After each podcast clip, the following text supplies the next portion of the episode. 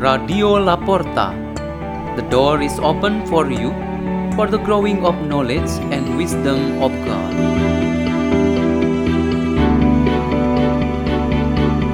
Delivered by Bobby Michael and April Mendoza from St. Peter's School in Jakarta, Indonesia.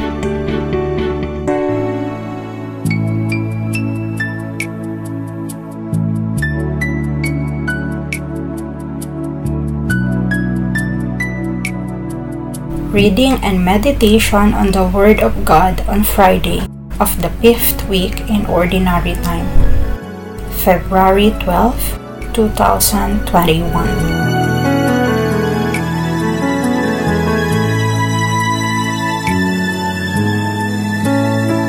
The reading is taken from the book of Genesis, chapter 3, verse 1 to 8. Now the serpent was the most cunning of the animals that the Lord God had made. The serpent asked the woman, Did God really tell you not to eat from any of the trees in the garden? The woman answered the serpent, We may eat the fruit of the trees in the garden. It is only about the fruit of the tree in the middle of the garden that was said, You shall not eat it or even touch it, lest you die. But the serpent said to the woman, You certainly will not die. No, God knows well that the moment you eat of it, your eyes will be opened, and you will live like God, who know what is good and what is evil. The woman saw that the tree was good for food, pleasing to the eyes, and desirable for gaining wisdom. So she took some of its fruits and ate it, and she also gave some to her husband who was with her, and he ate it. Then the eyes of both of them were opened, and they realized that they were naked. So they sewed fig leaves together and made loincloths for themselves. When they heard the sound of the Lord God moving about in the garden at that breezy time of the day, the man and his wife hid themselves the Lord God among the trees of the garden. The word of the Lord.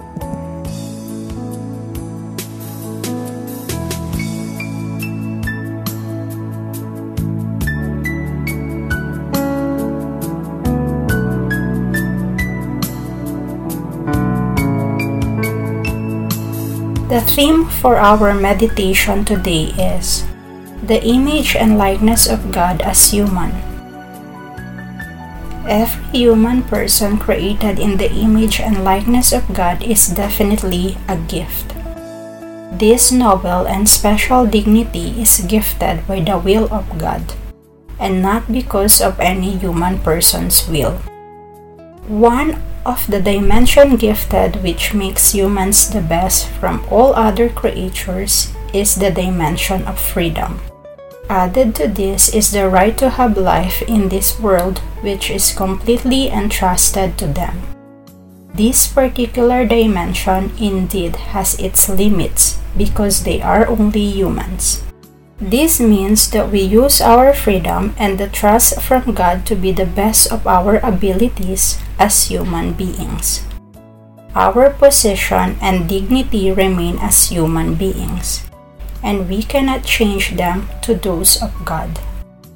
This is actually the intention of God to give us privileges. However, at the same time, there are limits we must not trespass. It is the same as a father and a mother will remain a father and a mother to their children until they die. It is impossible for the children to change positions to become the parents, while the parents become the children. Such change occurs only in a play or drama. What is already determined as its nature and identity, it remains as such. The title of our meditation says, What is true? That man and women are the special human beings and stop at that point. There is no need to give additional and or also. There should not be other alternatives for one's nature and identity, which, for the sake of one's freedom, someone can choose not to become a human person. It is precisely on this kind of deviation that Satan finds his way. He tempts men or women to rise to the same position with God. That was the story of the first human being tempted, and it was the first fall into sin. There is a common saying that goes like this Your strength or power is also your weakness. Man was created in the image and likeness of God as human being, which means he or she is superior to all other creatures on earth. Moreover, human beings are entrusted to care and to make use of other creations, as well as to protect them. However, these advantages and privileges are also weaknesses. When we cannot use wisely and properly our trust given, it becomes a way for Satan to deceive us. One of the ways to use properly and responsibly our ability is by being a servant, helper, comforter, and healer of others who are suffering and who really need help. Jesus is our role model for being a steward and a solution maker for people who are in need. If we keep ourselves busy doing good and serving others, it will be difficult for Satan to tempt us. Let us pray.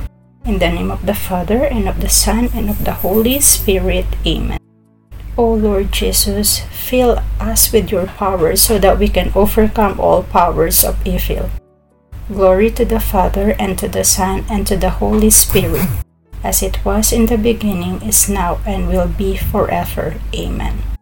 In the name of the Father, and of the Son, and of the Holy Spirit. Amen. Radio La Porta. The door is open for you.